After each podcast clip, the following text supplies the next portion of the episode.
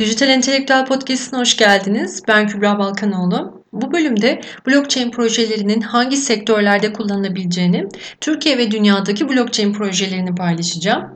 Önceki podcast'te blockchain nedir, blockchain'in internetle farkını anlatmıştım. Dilerseniz Yeni Dünyanın Dijital Üssü Blockchain isimli podcast'i de dinleyebilirsiniz. Önce blockchain nasıl çalışır? Kısaca hatırlayalım. Blockchain bir veri tabanıdır. Merkezi olmayan, katılımcılar arasında dağıtık yapıda bir veri tabanıdır. Bu yüzden dağıtık defter sistemi de denebiliyor. Bir blockchain verileri taraflar arası bir ağda kaydeder. Her katılımcı fikir birliği yani konsensus algoritmaları kullanarak verileri görebilir, doğrulayabilir veya reddedebilir. Onaylanan veriler deftere bir bloklar koleksiyonu olarak girilir. Değiştirilemeyen kronolojik bir zincirde saklanır. Bir blok zincirde tüm ağ katılımcıları kabul etmedikçe saklanan verilerin değiştirilmesi veya kurcalanması mümkün değildir. Bu özelliği sağlamak için de kriptografik şifreleme tekniği kullanılıyor. Bu yüzden blockchain sistemleri veri, kayıt, döküman, ödeme işlemleri için güvenilir yeni bir altyapı modeli sunuyor. Evet, blockchain hangi sektörlerde kullanılır konusuna geçmeden önce çok kısa bir giriş yapmak istiyorum. İlk olarak finans sektöründe kullanıldı. Blockchain teknolojisi ilk defa elektronik para ya da kripto para birimi olan Bitcoin'in kullanıldığı altyapıdır. Bu yüzden Bitcoin altyapısı blockchain 1.0 diyebiliriz. Bu kullanımla blockchain işlem maliyetlerini ciddi oranda azaltma ve doğru uygulandığında ekonomiyi yeniden şekillendirme potansiyeli olduğu fark edildi. 2008 küresel ekonomi krizi ile ilgili bir makaleden alıntıyla bu potansiyeli vurgulamak istiyorum.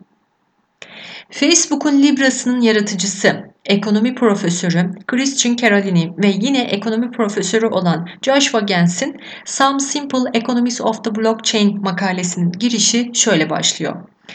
2008 yılındaki mali krizden sonraki acil ekonomik istikrar yasasının Amerikan mali sistemini çökmekten kurtardığı dönemde ortaya çıkan Bitcoin'de tarihte ilk defa maliyetli bir aracıya gereksinim duyulmadan birbirinden uzak ve birbirine güven duymayan iki taraf arasında güvenilir bir biçimde değer transferi gerçekleşmiştir.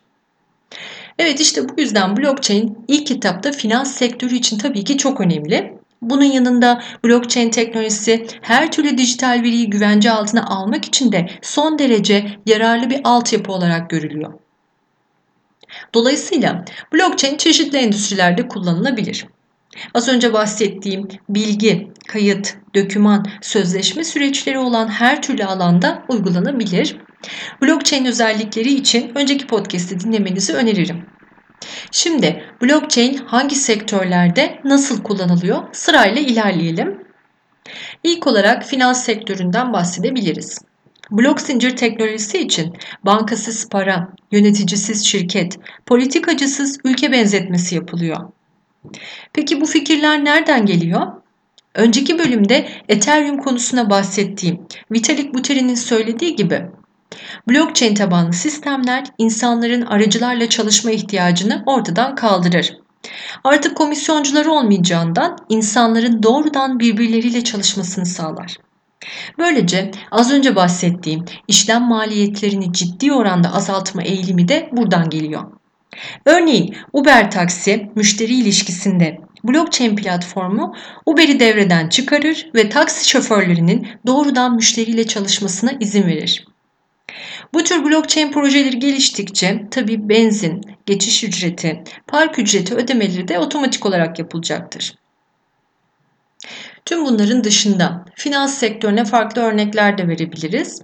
Örneğin Bitcoin gibi kripto paraların yatırım veya ödeme aracı olması durumunda ülkeler arası emlak alım satımı gibi işlerde ya da kripto para birimlerini yurt dışına aktarımı gibi senaryolarda bankaların sunduğu hizmetlere göre blockchain sistemi tabii daha ucuz ve daha hızlı olacaktır. Bunların yanı sıra yeni teknolojilerden de bir örnek verebiliriz. IoT yani nesnelerin interneti alanında da kripto paraların etkinliğinden söz edebiliyoruz. IoT cihazlarının makineden makineye ekonomisini yani temelde insan olmayan cihazlar arasında para değişimi gibi küçük finansal işlemlerin yapılabileceğini öngörebiliyoruz. Bu yüzden IoT uyumlu para birimlerine olan talep de artacaktır. Şu anda kripto para birimleri de bu transferler için gayet uygun. Samsung ve IBM işbirliğiyle 2015 yılında ilk tanıtımını yaptıkları Adept isimli bir blockchain projesi var. Nesnelerin interneti cihazlarının birbirleriyle mesajlaşması için telehash, dosya paylaşımı için BitTorrent ve akıllı sözleşmeler için de Ethereum platformunu geliştirecek 3 protokol geliştirdiler. Bu protokol sayesinde Böylece cihazlar yazılım güncellemelerini, bug temizliği, enerji kullanımlarının takibini kendi aralarında merkezi bir sisteme bağlı olmadan mesajlaşarak yapabilecekler.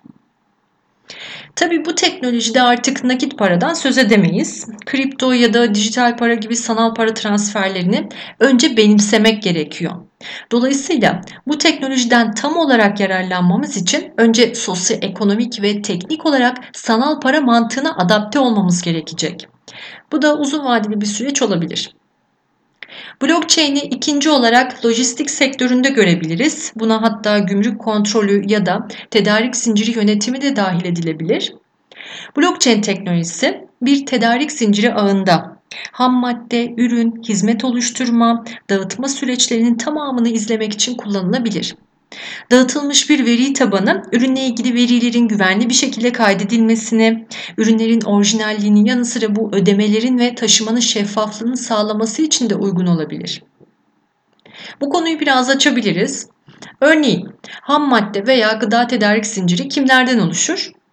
Üreticiler, tedarikçiler, lojistik şirketlerini ve son perakendecileri kapsar.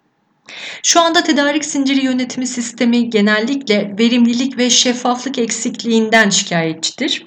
Bu konuda zorluklar çekerler. Tüm tarafları bu tedarik ağına entegre etmeye çalışırken zorluklarla karşılaşırlar. Nedir bu zorluklar? Örneğin bilgi alışverişinin, onay süreçlerinin hızlı olmaması, ürünün bozulmadan alıcıya ulaşmasındaki verimlilik, kalite, komisyonculardan dolayı maliyetler, perakende satış fiyatları, karlılık, rekabet gibi pek çok unsur etkili. Aslında istenen süreç ise ürünlerin ve malzemelerin yanı sıra paranın ve verilerin tedarik zincirinin tüm aşamalarında sorunsuz bir şekilde hareket etmesini sağlamaktır. Peki bir ürünün fabrikadan mağazalar dahil tüm yolculuğunun blockchain sisteminde takip edilmesi neler sağlar? Blockchain'de depolanan tüm bilgilere ilgili tüm tarafların erişebilmesini sağlayacaktır. Böylece bir şirket diğerlerinin hangi bilgileri yayınladığını kolayca görebilecek, doğrulayabilecek. Bu da birlikte çalışabilir bilgi oluşturmayı sağlayacaktır. Ama normalde birçok şirket iş bilgilerini birbirlerine göndermek için elektronik veri değişim sistemlerini kullanıyorlar. Ama bu verilerde anlık olarak değil de genellikle gruplar halinde yayınlama yapılıyor. Bir gönderi kaybolursa veya fiyatlandırma hızla değişirse tedarik zincirindeki diğer katılımcılar bu bilgileri yalnızca bir sonraki elektronik veri değişim çıktısında alıyorlar. Blockchain'de ise dağıtık ağ yapısından dolayı bilgiler düzenli olarak güncellenir. İlgili tüm katılımcılara hızlı bir şekilde dağıtılabilir. Blockchain ayrıca belgenin orijinalliğini de koruyor. Belgenin dijital imzalarla değişmezliğini sağlıyor. Anlaşmalar yalnızca bu ilgili tüm taraflar konsensüse ulaştığında değiştirilebilir. Bu şekilde kuruluşlar avukatlarıyla evrakları incelemek için veya anlaşma süreçlerinde daha az vakit harcayacaklardır. Ayrıca blockchain gıda güvenliği ve kalite kontrolünü de sağlayacaktır. Nasıl? Ürünün orijinalliğinin korunması yani çürütmeden belli sıcaklıkta taşınması ile ilgili gerekli prosedürlerin sağlanması gibi hangi aşamada bozulmanın olduğunu görmek, izlemek gibi ve bu sayede düzeltme fırsatı olması gibi. Bunun yanı sıra akıllı kontratlarla teslimat ve ödemelerinin bu dijital platformda yapılması gibi. Tüm bu süreçte evrak, lojistik, banka, ödeme süreçlerindeki komisyoncuların da ortadan kalktığını düşünebilirsiniz. Böylece hem ürün kalite kontrolü hem de şeffaf ve hızlı bilgi alışverişi, hızlı onay süreci, zaman, maliyet, kar marjı, satış fiyatı, rekabet açısından kazanılan değeri düşünebilirsiniz. Şu anki mevcut yapıyla bu teknolojiyi karşılaştırdığınızda piyasada olabilecek bu yeniden yapılanma potansiyelini fark edeceksiniz. Önceki podcast'te şöyle demiştim. İnternet bilgi paylaşımı ise blockchain değer paylaşımıdır. İşte bu değer paylaşımına ya da blockchain'in yapıcı potansiyeline çok güzel bir örnek tedarik zinciri yönetimi diyebiliriz. Tedarik zinciri konusunda blockchain uygulamaları geliştiren startuplar var ve giderek artıyorlar. Bunlardan birkaç tanesini sayabilirim. Flowin ve BlockVerify söyleyebiliriz. Bunların dışında blockchain teknolojisi üçüncü olarak seçimlerde de kullanılabilir. Bu çok konuşulan popüler bir konu aslında. Blockchain bir veri tabanıdır demiştik. Bilgi, kayıt, döküman, takip gerektiren süreçlerde şeffaf, şifreli, anonimliği sağladığından oylama gerektiren süreçlerde, seçimlerde kullanılabilir. Hatta public blockchains denilen blok zincir çeşidi üzerinden uygulanıyor. Evet, blockchain'in türleri de var. Hangi blok zincir çeşidinin hangi sektörlerde kullanılabileceğini öğrenmek isterseniz gelecek podcast'i dinleyebilirsiniz. Seçim sürecinde seçmen kaydı, kimlik doğrulama, geçerli oyların tespit edilmesi ve kaydedilmesi için blockchain bir kayıt defteri gibi güvenli bir veri tabanı olarak kullanılacaktır. Bu konuda da çalışan e, yerler var, vakıflar var. Democracy Earth Vakfı blockchain ile oylama yapabilecek sistemler için devletlerle çalışıyorlar. Ayrıca vergi tahsilatından mali yardım dağıtımlarına kadar çeşitli senaryolarda veri bütünlüğü ve takibini de sağlayabilir blockchain. Böylece yolsuzluğu önlemede de kullanılabileceği, bu konuda da etkin olabileceği söyleniyor. Evet, blockchain teknolojisini dördüncü olarak kamu yönetimi alanında görebiliriz. Örneğin patent, telif hakkının, dijital kimlik, diploma gibi eğitim belgelerinin ya da pasaport, tapu kayıtlarının saklanması, kopyalama, değiştirme, paylaşımının izinsiz yapılmasını engelleyecektir. Evrak işlerinin güvenli şekilde kaydedilmesi ve korunmasını sağlayacaktır blockchain teknolojisi. Bu arada telif hakkı demişken müzisyenler, video içeriği yapanlar, sanatçılar genellikle dijital korsanlık ve bu telif ücretinin ödenmemesi gibi konularda çok mücadele ederler. Blockchain teknolojisi ürünü ya da içeriği kimin kiraladığını, satın aldığını, kullandığını şeffaf ve değiştirilemez şekilde kaydeden bir takip platformu oluşturur. E, temel olarak aslında kendi kendini yürüten dijital sözleşmeler olan bu akıllı sözleşmeler yoluyla da ödemeleri de kolaylaştıracaktır. Farklı bir sektörde beşinci olarak sağlık ve ilaç sektörünü söyleyebiliriz. İlaçları izlemek ve hasta verilerini yönetmek gibi. Örneğin sahte ilaçlar ya da ürünleri engellemek için blockchain teknolojisiyle ilaç paketlerine benzersiz, değiştirilemez bir kimlik kodu doğrulama sistemi yapılabilir. Ayrıca blockchain hastanelere yine önemli güvenlik avantajları da sağlayacaktır. Çünkü bu kurumlar tıbbi yüksek veri değerinden dolayı hacklenme sorunuyla karşılaşırlar sürekli olarak. Verilerinin gizliliği, doğruluğunu korumak için de ciddi güvenlik maliyetleri harcarlar. Blockchain bu alanda yine iyi bir çözüm sunabilir. Bunun dışında sigorta dolandırıcılığının önüne geçmek için de yine blockchain kullanılabilir. Amerika sağlık sigortası dolandırıcılığıyla mücadele etmek için her yıl yaklaşık 68 milyar dolar harcıyor. Blok zincir teknolojisiyle tüm kayıtlar şifreli olarak depolanır ve ilgili sigortacı ile bu gizlilik çerçevesinde paylaşılır. Böylece bu fraud işlemler için yapılan faturalandırma gibi dolandırıcılık işlemleri de önlenebilecektir. Dolandırıcılık için yapılan faturalandırma süreçleri de ortadan kalkabilir. Bu konuda Oracle ve Eternity firmaları yine bu sigorta sektörü için blockchain projesi geliştiriyorlar. Blockchain teknolojisi bunların dışında klinik araştırmalarda da kullanılabilir. Örneğin tıbbi araştırmalar sonucunda elde edilen veriler ya da ilaçlar klinik çalışmaların kalitesini artırmak için test edilirler normalde. Bu test için ilaçları kullanacak, bunlardan yararlanacak hastalar, kişiler genellikle bu testlerden haberdar olmazlar. Ama kişilerin bu teste katılabilmesi için blockchain teknolojisi e, bu şekilde katılım sistemi yapabilir. Bu şekilde bir katılım altyapısı oluşturulabilir. Klinik araştırma kaydını büyük bir ölçüde burada geliştirebilirsiniz. Denemeler yapılırken toplanan verilerin bütünlüğünü de sağlamak için yine blockchain kullanılabilir. Çünkü bir dediğimiz gibi veri tabanı sistemidir. Yalnız özellikle sağlık sektöründe bu veri depolama, paylaşma, gizlilik, erişim sınırı, koruma standartlarının tam uyumlu olması çok önemli. Bunun için özelleştirilmiş blockchain kayıt sistemleri kullanmaları gerekiyor burada. Dolayısıyla mevzuata uyumluluk, sağlık sektöründe bu teknolojiye geçiş biraz zorlayabilecektir. Bu yüzden sağlık sektöründe kullanımını biraz uzun vadede bakabiliriz. Ama ilaç sektöründe örnekleri var. Bu konuya geleceğim zaten. Altıncı olarak da sosyal yardım alanı. Önceki podcast'te bağış sisteminde blockchain'in nasıl kullanılabileceğinden biraz bahsetmiştim. Bu şekilde bağış, hayır kurumları için blockchain altyapı teknolojisi kullanılabiliyor.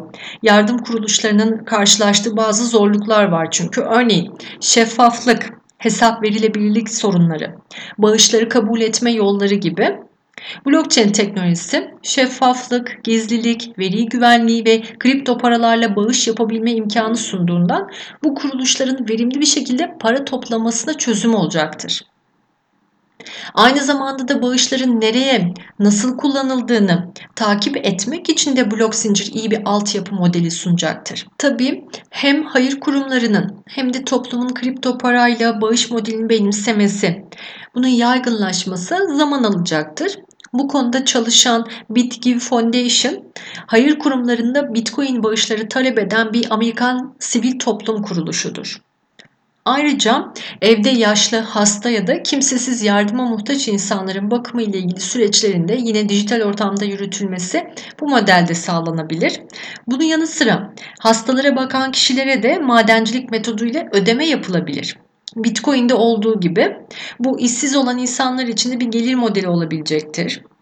Teknolojinin gelişmesiyle birlikte bu tür metotlar işsizlik, evsizlik gibi toplumun sosyal sorunlarına alternatif çözümler yaratabilir. Ve yedinci olarak gayrimenkul sektöründen bahsedebiliriz. Binalar, evler, araçlar gibi devlete ve vatandaşlara ait varlıklar için güvenli, resmi kayıt defteri olma potansiyeli sunar blockchain. Yurt dışı emlak alım satımlarında da dijital ortamda hızlıca prosedürlerin yapılması, onayı, güncellenmesi, ayrıca aracısız olacağı için de az maliyetli olmasına imkan sağlar.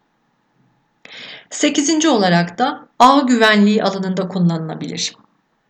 Blockchain kriptografi denilen özel sanal şifreleme yöntemi kullanır demiştik. Böylece siber saldırıları önleyen bir teknolojiye sahiptir. Kriptografi metodu hakkında detaylı bilgi için önceki podcast'i dinleyebilirsiniz. Bu konuda Storch diğer adıyla da The Storch Network firması blockchain teknolojisiyle cloud'da veri saklama projeleri geliştiriyor. Hatta Storch firması veri saklama konusunda büyük cloud sağlayıcılar olan bu S3, Google, Microsoft'tan daha iyi olduğunu da iddia ediyor. Ve dokuzuncu olarak da oyun sektöründen söz edebiliriz. Bir oyunun altyapısının sahibi oyunu kapattığında oyuncuların bu platformda harcadığı zaman, emek ve yaptığı olası ödemeler silinebilir. Blockchain teknolojisi üzerinde kurulan bir oyun altyapısındaysa katılımcılar yani oyuncular konsensüsa yani fikir birliği mekanizması ile ancak kontrol edebilirler bu sistemi. Yani artık sahibinden bağımsızlaşıyor bu sistemde. Bunun dışında son olarak enerji sektöründen bahsedebiliriz. Burada petrol ve gaz gibi endüstrilerde üretici ve tüketici arasında direkt bağlantı olması komisyoncuları aradan kaldıracağından maliyetleri ciddi oranda düşürecektir. Bu yüzden burada blockchain teknolojisi çok etkili olacaktır enerji sektöründe. Tüm bunların yanında eğitim, savunma sanayi gibi birçok sektörü de aslında sayabiliriz. Bu alanlarda da uygulanabilir. Evet, Türkiye ve dünyada blockchain projeleri nelerdir peki? Blockchain özellikle Dubai'de çok dikkat çekici. Dubai bu yıl devlet hizmetleri ile ilgili tüm dokümanlarını blockchain sistemine aktarmak için çalışıyor. Böylece hükümette olası yolsuzluk sorunlarını önlemeyi ve bürokrasiyi azaltarak güvenli ve şeffaf bir ortam sağlamayı hedefliyor.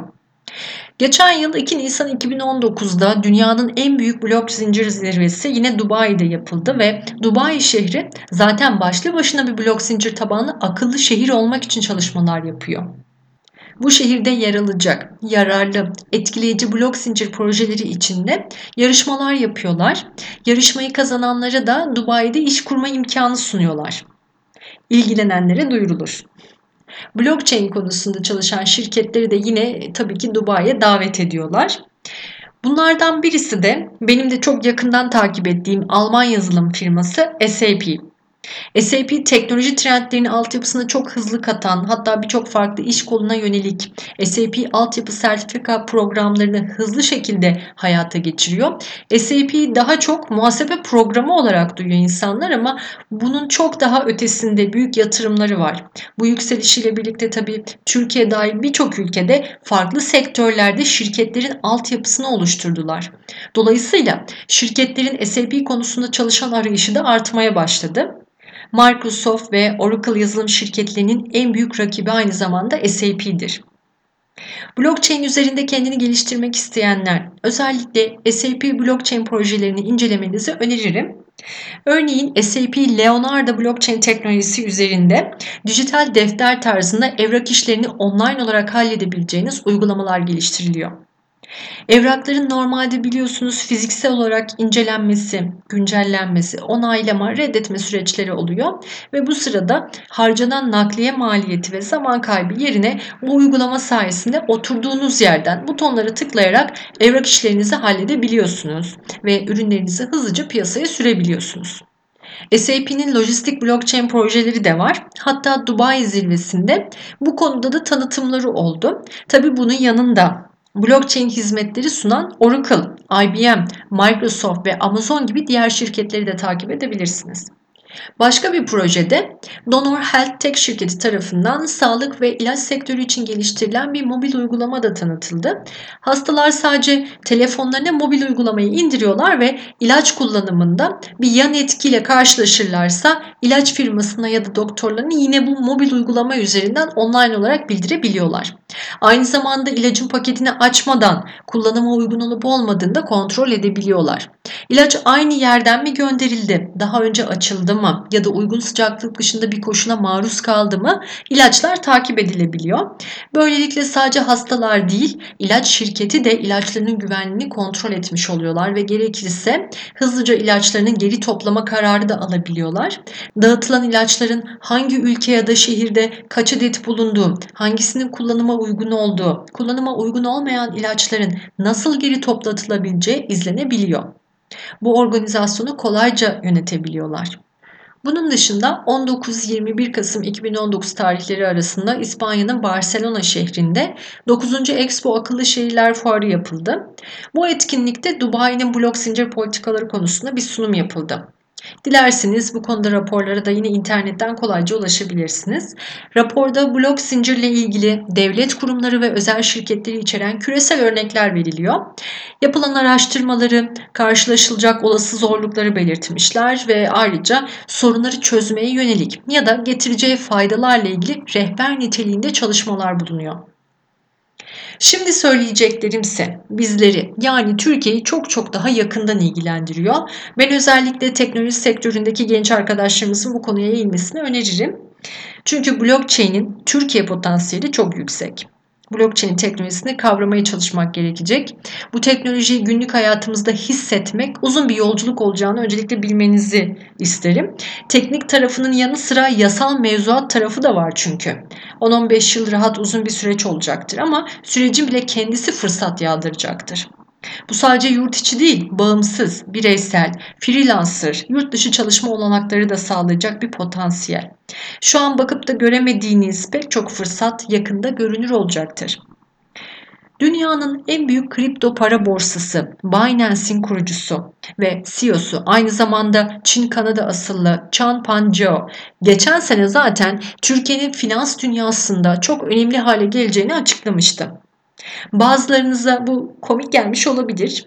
Özellikle dijital dünyaya uzak olan arkadaşlarımıza. Ama hayır. Bunu çok ciddiye alın.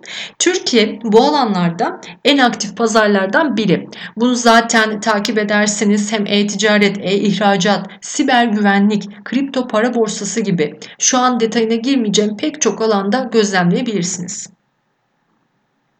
Bir Almanya, İtalya, Belçika gibi bazı Avrupa ülkelerinden önde senaryolarımız var. 5G teknolojisi ile ilgili podcast'imi dinlemenizi tekrar hatırlatayım. Bu hareketlerin dışında başlı başına dijital dönüşüm sürecinde zaten Türkiye dünyanın teknik istihdam açığını sağlatabilecek genç bir nüfusa sahip bir ülke. Dolayısıyla kalifikasyonlarımızı artırmamız gerekecek.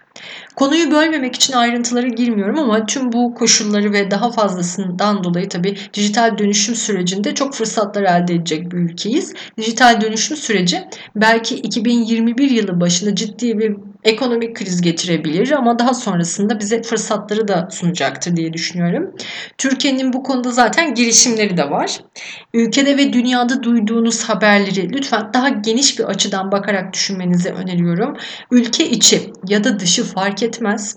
Küçük haberler de olsa özellikle teknolojik, bilimsel, ekonomik ve siyasi gelişmelere küresel olarak bağlantılı düşünmelisiniz. Türkiye'nin başlattığı 1 milyon yazılımcı hareketinden tutun. Türkiye'nin dijital para birimi çıkarma çalışmaları gibi ya da 5G çalışmaları gibi. Bunları azımsayan tabii akademisyenler de var. Yapılan projeler hem ilk defa tanıştığımız konular hem finansal, siyasi, altyapı ve aynı zamanda bilirkişi, uzman gerektiren projelerdir. Dolayısıyla bunları bir araya getirmek, kısıtlamaları yönetmek kolay değil. Küçük başlayabilir ama az önce saydığım diğer avantajlarımızdan dolayı yakın gelecekte bize katma değer olacağını ben düşünüyorum. O yüzden bu tür söylemlere takılmadan herkes mesleğinin dijital yönünü geliştirmeye yönelmeli. Ayrıca Türkiye fintech ekosisteminin geliştirilmesi için de bir yol haritası oluşturmayı ve İstanbul'da bir finansal e, teknopark kurmayı hedefliyor. Türkiye Cumhuriyeti Merkez Bankası'nın İstanbul'a taşınmaya başladığı ile ilgili bu ay hatta geçen ay haberler okumuştum ama aslında bunun çok daha öncesinde taşıma fiilen zaten başlamıştı. Hatta onun da öncesinde Türkiye Cumhuriyeti Merkez Bankası çalışanlarının aileleriyle birlikte yerleşmesi için izin süresi de verilmişti. Ancak araya tabii pandemi girince bu duraksamaya uğradı. Şimdi ise bu taşınma süreci devam ediyor. Ben hem bu sektörden biri olarak hem de bu tür haberlere tabii ki yakın ilgi gösteriyorum. İstanbul'da finans merkezi olacağını görüyoruz. Hatta bu konuda uzun vadede Londra'ya geçecektir diye söylemler de var. Çin'e tekrar bir gelelim. Çin zaten şu anda kağıt para kullanmıyor. Henüz blockchain parası değil ama tamamen dijital para kullanıyor. Çin'in dünyanın bir numaralı ekonomisi olacağını bilmeyen kalmadı. Tahmin edersiniz ki Çin'de tüm ülkelerin blok zincirini de tanıyacaktır. Dolayısıyla bu vesileyle blockchain teknolojisinin öğrenmenin önemini bir kez daha vurgulamış oldum. Blockchain hakkında güvenilir Türkçe kaynaklar arıyorsanız gelecek podcast'te dinleyebilirsiniz. Konular o kadar birbirleriyle bağlantılı ve yenilikçi ki çok fazla derin konuşabilirim ama e, podcast'i kısa tutmak için direniyorum. Hemen Türkiye'den önemli iki girişimi de paylaşayım. Şişe Cam firması. Blockchain teknolojisiyle geliştirilen dijital dolandırıcılık tespit ve kontrol sistemi kurdu. Nasıl işliyor? Banka ödeme talimatını online dolandırıcılık denetimi ve yasaklı şirket listeleri üzerinden tarattıktan sonra güvenli şekilde iletmeyi sağlıyor. İlk duyduğumda bu beni çok heyecanlandırdı. Çünkü benim neredeyse 10 yıllık bir e-ticaret background'um var ve fraud işlemlerden dolayı süreçlerimizde çok zorluk yaşardık. Online platformlarda özellikle çok ciddi fazla dolandırıcılık faaliyetleri oluyor ve bu süreç aslında bu sorun aslında mali, yasal değil markanın prestiji açısından da çok önemli. Hatta iş yükü ve zaman açısından da çok zorlayıcı bir durum. Bu tür projelerin e-ticaret platformlarında da gelişmesiyle pek çok sorunun önüne geçilebileceğini ben düşünüyorum. Bu gerçekten çok önemli. Dolayısıyla blockchain projeleri üzerinde çalışmayı düşünenler bu tür ara faaliyetleri e-ticaret, e-ihracat platformlarına entegre etmeyi düşünebilirler. Bunun için tool'lar çalışabilirler. Türkiye'deki e-ticaret pazarının hacminden de az önce bahsetmiştim zaten. Bu konuda blockchain projesi geliştirmek için Open Bazaar, Heaven, OB1 sitelerinin haberlerine göz atabilirsiniz. Aynı zamanda Şişecam Türkiye'de blockchain ile ilgili dış ticaret yapan ilk şirket olduğunu da açıklamıştı. Yenilikçi projeleri oluyor. Takip etmenizi öneririm. Bunun dışında Copy Robo projesi var. Belki duyanlarınız vardır. CopyRobo, blockchain teknolojisiyle geliştirilmiş web ve mobil uygulama projesidir. Dünya çapında ülkelerin mevzuatlarına göre ve teknolojik gelişmelere göre telif hakkı gibi fikir haklarının korunmasını sağlayan bir proje. Örneğin bir video içeriğinizi YouTube'da paylaştığınızda CopyRobo videonuza e, copyright key ekliyor ve eserlerinizin korunduğunu görebiliyorlar. E, takip edebiliyorsunuz bu şekilde. Ayrıca insanlar telif hakkı linkinden eser sahibini görüyorlar ve bir satın almak yapmak isterlerse de sizinle hemen irtibata geçme fırsatı da buluyorlar. Copyrobo projesi güzel sanatlar, teknopark, fen bilimleri, edebiyat, eğitim, gazetecilik, mühendislik gibi pek çok alanda kullanılabilir. Telif hakkı için düşünebileceğiniz her konuda düşün, yani uygulanabilir aslında. Evet bu bölümde anlatacaklarım bu kadardı. Blockchain teknolojisini anlattığım bölüm için Yeni Dünyanın Dijital Üssü Blockchain başlıklı podcast'i dinlemenizi öneririm. Bir blockchain projesi geliştirmek isterseniz de blockchain türlerini, bilgi kaynaklarını ve seminerlerini paylaştığım Blockchain Network Nasıl Kurulur 4 Metot başlıklı podcast'i dinleyebilirsiniz. Gelecek podcast'te bunu yayınlayacağım. Bu konularda detaylı bilgi için yine wupodcast.com sitesine ziyaret edebilirsiniz. Kendinize iyi bakın. Sevgilerimle hoşçakalın.